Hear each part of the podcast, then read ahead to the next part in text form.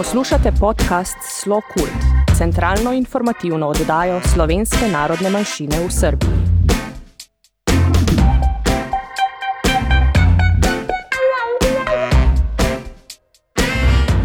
Dragi slušalci, dobrodošli u još jednu emisiju Slo Kult podcasta – informativnu emisiju namenjenu članovima Slovenačke zajednice u Srbiji, Slovencima po svetu i u Matici, kao i svim zainteresovanim za slovenačku kulturu i savremeno stvaralaštvo Slovenačke zajednice u Srbiji. Naše emisije ispunjene su aktuelnostima u oblasti kulture i umetnosti u Sloveniji i Srbiji, najavama događaja, kao i razgovorima sa relevantnim gostima o zanimljivim temama vezanim za Slovence u Srbiji, Matici i svetu. U ovoj emisiji predstavit ćemo odabrane sadržaje koji su obeležili novembar 2023. godine u Sloveniji, a zatim informacije iz Srbije vezane za slovenačku kulturu, dok ćete u trećem delu emisije čuti zanimljivosti vezane za rubriku Upoznajmo znamenite Slovence. Vesti iz Slovenije 2. novembra u Ljubljanskom centru za kulturu Španski borci premijerno je izveden plesni akrobatski performans, poslednji deo projekta Niti prašume Danijele Zajc, sociološkinje kulture koja se od 2012. godine bavi plesom, performansom i akrobacijama. Ovu trilogiju započela je autorskom predstavom nazvanom Niti 2019. Nastavila ostvarenjem Prag i zaokružila delom Šume u kojem ispituje šta to može biti pokretač za krupne društvene promene i da li ekološka katastrofa može suštinski promeniti naš pogled na potrošnju. U obrazloženju svog plesnog performansa Danijela Zajc ističe sledeće. Nauka predviđa da ćemo biti osuđeni na samouništenje ako nastavimo današnjim tempom zagađenja. A znate li šta je absurd naše situacije? Veliki deo društva je svestan ovog problema, ali mi ipak ne zahtevamo korenite promene. Predstava Šuma realizovana je u produkciji Danijele Zajc u saradnji sa društvima savremenog plesa i performansa iz Rumunije i Hrvatske. 11. i 12. novembra u Ljubljanskom plesnom teatru održana je još jedna zanimljiva manifestacija koja se između ostalog bavila ekološkim problemima – Bio je to omladinski autorski teatarski festival pod nazivom Mladost u jesen, koje je organizovalo pozorište Glej. Predstavljene su važne teme našeg savremenog sveta, klimatske krize, različiti oblici pobuna, ali i one koje se odnose na zdravu ishranu i način života. U predstavi Vrištanje proleća mladi umetnici fokus usmerili na klimatske promene i ukazali na brojne napade na umetnička dela kojima aktivisti upozoravaju na posledice globalnog zagrevanja. U kinu Šiška u Ljubljani od 17. do 19. novembra održan je festival Adela na temu kada kreativne snage kombinuju mašinske algoritme i ljudsku inteligenciju – Organizator ove manifestacije je društvo Ljudmila, laboratorija za nauku, tehnologiju i umetnost. Bilo je to prvo izdanje festivala koji ima za cilj da u susretu umetnosti i kompjuterskih programa predstavi algoritme i kodiranje u kreativnom, istraživačkom i javno dostupnom prostoru koristeći slike, zvuk, video, tekst i kompjuterski kod. U okviru festivala Adela održane su radionice – kao i sajam umetnosti nazvan Parametar, u okviru kojeg su predstavljene nove prakse umetnosti poput generativnog crtanja, algoritamskog tkanja i sintetičkih skulptura. Posetioci ove manifestacije posebno su uživali u programu Algo Rave, gde su se muzika i žive slike generisali preko kompjuterskih kodova. U Muzeju savremene istorije Slovenije 20. novembra otvorena je izložba BMX u Sloveniji od 1986. do 2023. godine. Predstavljene su 63 dokumentarne fotografije 10 autora koji su dočarali početke ove atraktivne biciklističke discipline koji od 2008. ima i status olimpijskog sporta – Počeci BMX biciklizma u Sloveniji sežu u Maribor i drugu polovinu 80. godina 20. veka.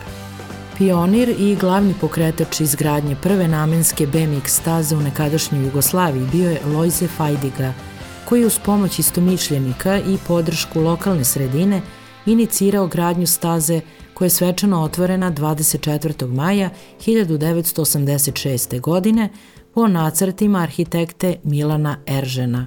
Nedugo zatim u Mariboru su se održavala državna i republička prvenstva, međunarodne trke i lokalna takmičenja, prvenstveno namenjena zabavi mladih BMX vozača.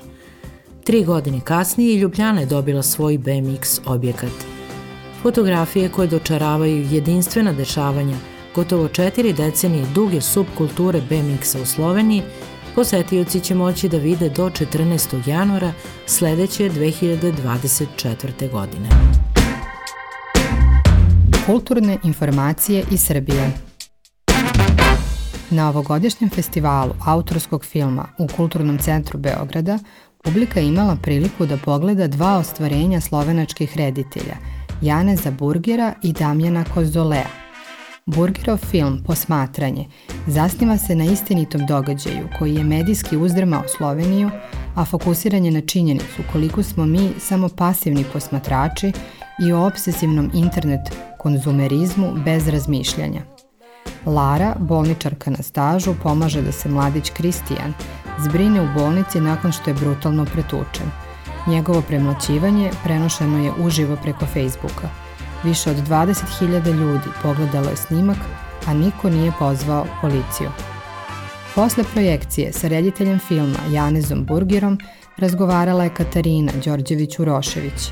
Sada ćete čuti fragment razgovora. V glavnem, jaz sem naredil film z naslovom Opazovanje, skupaj z Srdžanom Koljevičem sva to pisala. In uh, to je film, o, ki temelji na dogodku, uh, ki se je zgodil v Sloveniji šest let nazaj, uh, kjer sta dva, mislim, kjer so se tri fanti stepali in je eden uh, enega pretepil do kome, drugi je pa to prenašal na Facebooku direktno. Ta žrtva je umrla čez par dni. Dogodek se je dogajal eno uro. Dogodek je gledalo 20 tisoč ljudi ob dveh po noč in skoraj noben ni poklical policije, tako da je ta človek umrl čez par dni. In to je bila pol uh, neke vrste inspiracija za ta film, uh, ki govori o teh, ki so ne o samem dogodku, ampak o, o teh ljudeh, ki so gledali preko Facebooka, to delili, lajkali. Dobro, što možemo reći o krivici u ovom filmu, to jest o krivici tih ljudi koji su gledali taj film. Pa film ni narejen zaradi tega, da bi ugotavljali krivico, ne? ker kri, krivdo ugotavljajo sodišča. Uh, zdaj, glede na to, da nimamo zakonov za to, uh, za take vrste zločinov, uh, jih verjetno niti ne morejo persekutirati teh ljudi, ki so to gledali, pa niso nobenega poklicali, da bi pomagal, niti ne policije. Uh, lahko pa govorimo o nekih, mislim, film je bil narejen zato, da, da začnemo o tem govoriti, se pravi, da se ta tema odpre, da se začnemo o teh temah pogovarjati, ker to ni samo slovenska tema, ampak je globalna tema, te stvari se dogajajo, zločini, ki se prenašajo po Facebooku in drugih družbenih omrežjih, se dogajajo v bistvu na tem planetu vsakodnevno.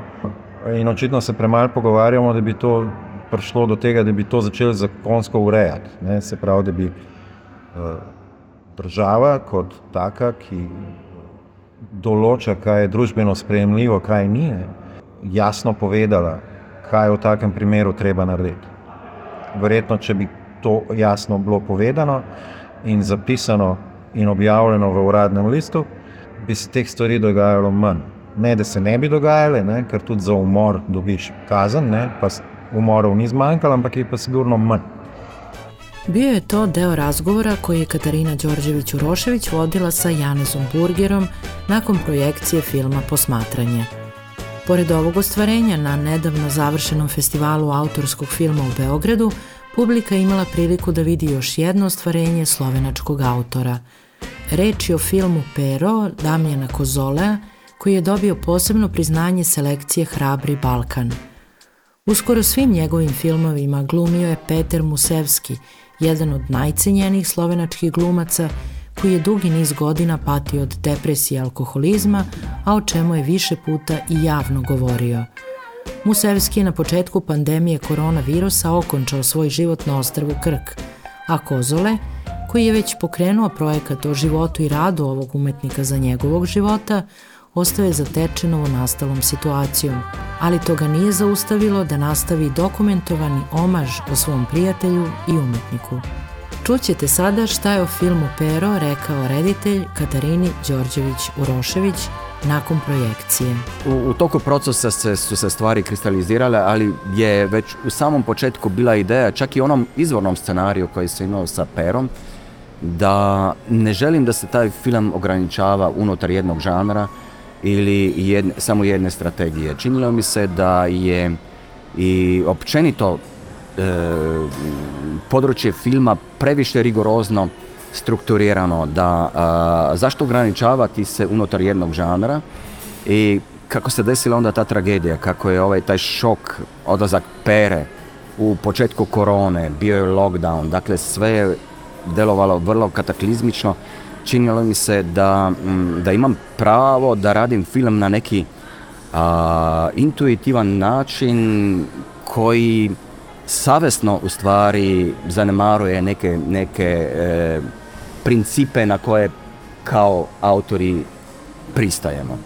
I čak mi je ovaj, ovaj film je zaista bio rađen sa nekom iskrenom namerom da se e, pozdravim sa mojim velikim prijateljem, velikim glumcem, ali s druge strane dok sam radio taj film i to što ste rekli, to nije samo film o peri, ono, vidio sam da elaboriram i svoj život, a s treće strane, na kraju vidim da mi je taj film čak otvorio neka, neka saznanja i neka razmišljanja šta i kako raditi u buduće. Da, da je to film koji mi je kao neka, ko da je pero u stvari još dve, tri godine posle smrti, da mi on daje tu neke, neke, e, neke impulze kroz taj film. Čuli ste deo razgovora sa Damjanom Kozoleom. Inače filmove Posmatranje Janeza Burgera i Pero Damjana Kozolea možete pogledati na devetoj reviji Dani slovenačkog filma, koja se održava od 7. do 10. decembra u Jugoslovenskoj kinoteci u organizaciji Društva Slovenaca Sava u Beogradu, ambasade Republike Slovenije, Jugoslovenske kinoteke, Kinoteke Slovenije i drugih institucija. Za program revije i više informacija pogledajte profil Dani slovenačkog filma na društvenim mrežama Facebook, Instagram, Twitter, kao i na zvaničnom sajtu danislovenačkogfilma.org. U subotu, 11. novembra, u društvu Savo obeležen je slovenački praznik vina Martinovanje. Vesela atmosfera je uvek vezana za ovaj praznik, a njoj su posebno doprineli Ivan Debeljak sa svojom harmonikom, ženski hor društva Sava, Pojoča družba i muzički sastav društva Sava Istok. Novembar mesec je rezervisan i za tradicionalni slovenački doručak, koji se obeležava svakog trećeg petka u tom mesecu. U društvu Slovenaca Sava u Beogradu smo ga obeležili sa najmlađim članovima koji su ovom prilikom pravili hleb. On je osnova tradicionalnog doručka uz puter, med, mleko i poneko sveže ili sušeno voće – To je prilika kada se okupimo i podsjetimo koliko je priprema hrane važna i koliko je sve ukusnije i lepše kada podelimo sa nekim. I ove godine su koordinatorke bile Desanka Stefanović i Tanja Baltić. Deca iz svih društava Slovenaca u Srbiji ove godine bila su pozvana u ambasadu Republike Slovenije u Beogradu na izradu novogodišnjih čestitki – Članovi ambasade su ih toplo ugostili, a veliki broj dece iz Novog Sada, Zrenjanina, Beograda i drugih gradova uživalo je u izradi čestitki, u slatkišima i novogodišnjim poklonima. Lektorat za slovenački jezik sa Filološkog fakulteta u Beogradu je tokom novembra meseca organizovao dva predavanja koja su održana u prostorijama društva Sava u Beogradu.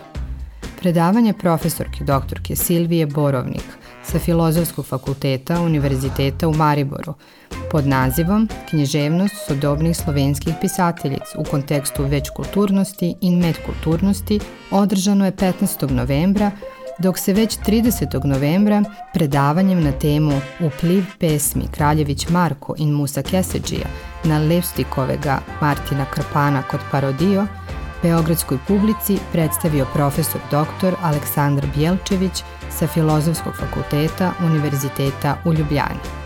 U sredu, 22. novembra, u prostorijama društva Sava putopisno predavanje održala članica društva Ivana Dukčević, magistar primenjenih umetnosti, profesor, fotograf i putopisac, autorka 14 publikovanih knjiga o putovanjima. Ivana je predstavila jedno od svojih putovanja praćeno autorskim fotografijama o Peru, čuvenoj zemlji u Andima. Usled velikog interesovanja Ivana Dukčević kao autorka internet stranice Umetnost putovanja RS i društvenih mreža istog naziva održat će predavanje i u decembru o Japanu. Dragi slušalci, budite slobodni da sve zanimljive i važne informacije koje su vezane za kulturne i druge događaje slovenačke zajednice u Srbiji, kao i u Sloveniji, podelite sa nama. Vaše predloge možete poslati na našu e-mail adresu redakcija at slokult.info. Upoznajmo znamenite Slovence. U ovoj rubrici želimo da vam predstavimo značajne istorijske ličnosti slovenačkog porekla, koje su u Beogradu i Srbiji ostavile dragocen trag u različitim oblastima stvaralaštva. Danas ćemo predstaviti dramsku umetnicu Velu Nigrinovu, rođenu u Ljubljani 14. novembra 1862. godine, koja je svojim velikim talentom i snažnim uticajem na razvoj glume krajem 19. i početkom 20. veka zauzela jedno od najistaknutijih mesta u istoriji srpskog pozorišta. U sestre Mariju, Gizelu i Matildu, koje su takođe bile glumice, Vela je od ranog detinstva negovala naklonost ka pozorištu. 1876. debitovala je u Ljubljani u dramatičnom društvu, a 1882. na poziv Davorina Jenka preselila se u Beograd. U Narodnom pozorištu ostvarila je blistavu karijeru – Odmah su bile zapažene njene uloge tragičnih heroina i naivki. Tumačila je zahtevne role u delima Šekspira, Safoa, Šilera i Goa. Pozorišni kritičari tog doba isticali su njen izraziti glumački dar, uzdržanu mimiku, scensku lepotu, ali i studiozan pristup svim ulogama koje je izvodila. Gostovala je na scenama u Novom Sadu, Zagrebu, Ljubljani, Pragu i Sofiji, potvrđujući ne samo lični, već i umetnički renome Narodnog pozorišta. Za vreme Srpsko-Bugarskog rata 1885. radila je kao dobrovoljna bolničarka u srpskoj vojsci i šila rublje za vojnike i ranjenike. Bela Nigrinova je bila životna saputnica Davorina Jenka. Tadašnja beogradska sredina volela je njen duh i mentalitet, pa je bila jedna od najviđenijih gošći u Bojemskoj skadarliji, ali i među dvorskim damama kraljice Natalije. Preminula je 31. decembra 1908. godine. Skrhan od bola Davorin Jenko se nakon njene smrti vratio u rodnu Sloveniju, gde je preminuo šest godina kasnije.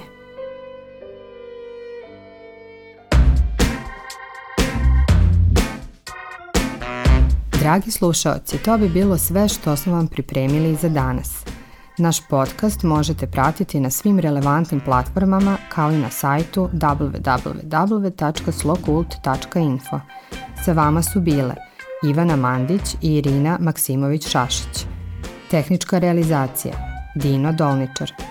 Redakcija Slokult podcasta Tanja Tomazin, Ivana Mandić, Saša Verbić, Dino Dolničar, Katarina Đorđević-Urošević i Irina Maksimović-Šašić.